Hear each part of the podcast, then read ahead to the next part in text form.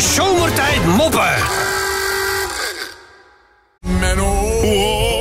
Nu even van Akiet, want er moeten natuurlijk weer wat raadsels de wereld uitgeholpen. Ben je ook klaar voor? Ja hoor. Laat die komen mensen. Even Raadsel 1. Menno.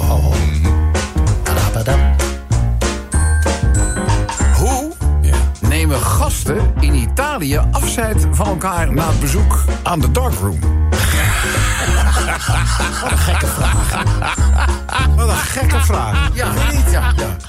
Nou, dus hoe nemen gasten van elkaar afscheid na een bezoek aan een Italiaanse darkroom? Denk even gewoon terug. Nou, toen net. Denk even gewoon, daar ga je toch niet, daar kan je toch meer nog niet van betichten. Dus, eh, nou, nou, nou, nou. Een, een, een, een, Eh, een Wat zeggen, wat zeggen ze tegen elkaar? Wat zeggen ze, Bekke? Ja, zeg het bij afscheid nemen. Ik een, denk dat ik een idee heb. Tot- ziens. Nee, niet tot ziens. Want Nee, nee, nee. nee. Italiaan, hè? Italianen, hè? Ciao, ciao, ciao. Ciao. nee. Ciao, bello. Nee. Nee. Nee, nee, nee. nee. Eh, Ari, Ari, oh, ah, Ari Verdetti. Het duurt even. Ja. Daarom hebben we ook gevraagd dat dit programma drie uur kon duren. Hey, eh, welke singer-songwriter heeft in december altijd bijgeklust? In september. Ja, nee, sorry, december moet ik zeggen. Welke singer-songwriter heeft in december altijd bijgeklust? Geklust. Bijgeklust trouwens voor de kerstman, kan ik wel even Ja, bijstellen. ja, eh, elf, Elvis? Nee. Nee, Elvis. Dat is een elf. Eh, Oh, elf, oh, elf. Leuk, Ah, leuk, leuk. Leuk. Maar, Menno... Nee, niet goed. Niet goed, niet goed, niet goed, niet goed. Welke singer-songwriter heeft in december altijd bijgeklust voor de kerstman? Geen idee. Rendier Newman. Ja, Dus, eh, bij deze doet Lex even niet mee. Eh, hoe heet die bekende Chinese acteur ook alweer... die naast kung fu ook een heel behendig watersporter is? Eh, daar zeg ik niks over. Hoe heet die Chinees ook weer? Chinese acteur die naast kung fu ook een heel behen- behendig watersporter is. Eh, jet, jetski. eh, eh, Jet Li? Nee. Ja, ja jetski, je had hem al. Ga jij even lekker die avond een beetje naar de, de Galamise helpen. Hey, eh, Rob, ik, ja, had laatst iemand die, mijn buurman die vertelde een verhaal over een man die overspannen bij de dokter kwam. En die zei, dokter, sinds kort denkt mijn broer dat hij een kip is. Iedereen thuis wordt er gek van. Dus die dokter die zegt, maar dan laat je je broer toch gewoon opnemen in een of andere psychiatrische inrichting? Ja, zegt die man, dat zouden we wel willen, maar we hebben de eieren nodig. Rob, Laatst hè, zag ik een eh, documentaire. Dat ging over hersenen. Oh, hersenen zijn zo mooi. Je zou willen dat iedereen zat. dus, eh, nee, joh, ik zag laatst ook iets. eh, dat, dat, dat ging over geld. Geld lijkt op vet. Ik zeg, geld lijkt op vet. Hij zegt, ja, van beide is er genoeg, maar altijd op de verkeerde plek. Ja. Zit ook wat in. Nou moet ik even kijken of dit een beetje een muziekje is. eh. Ja, hier kan ik wel wat mee. Hier kan ik wel wat mee. Eh, dit verhaal gaat over een, eh, nou, zeer vitale oude marine sergeant-majoor. En die bevindt zich op een galaavond. En die gala is georganiseerd voor eh, oud-militairen. En daarbij zijn ook jongere militairen uitgenodigd... om de verhalen, de ervaringen van de oud-militairen aan te horen. En eigenlijk duurt dat dus gewoon een dagvullend programma. Maar aan het einde wordt er natuurlijk ook gewoon een beetje geborreld. Natuurlijk.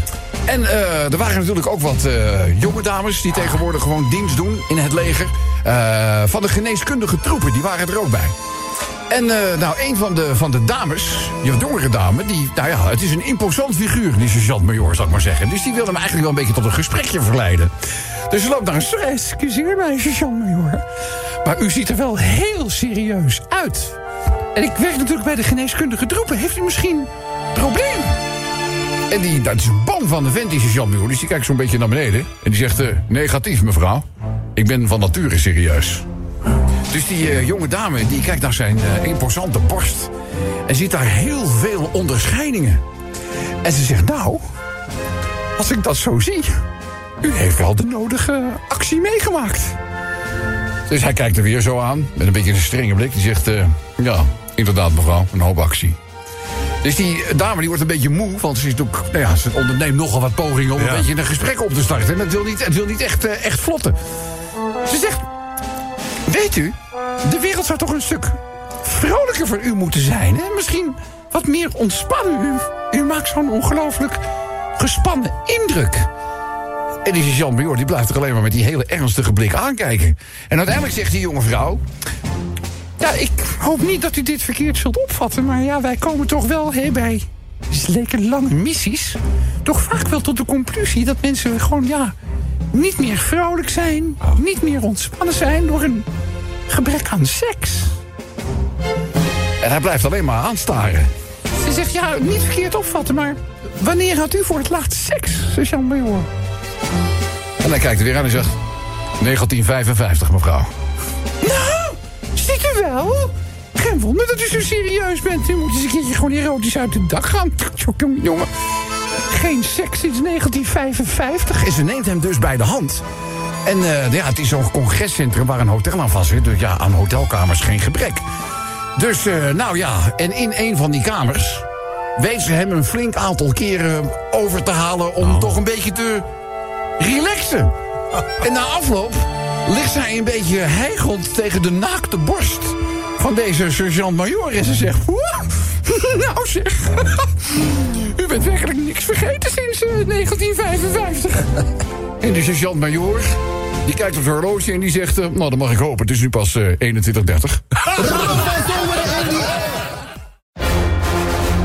De zomertijd moppen.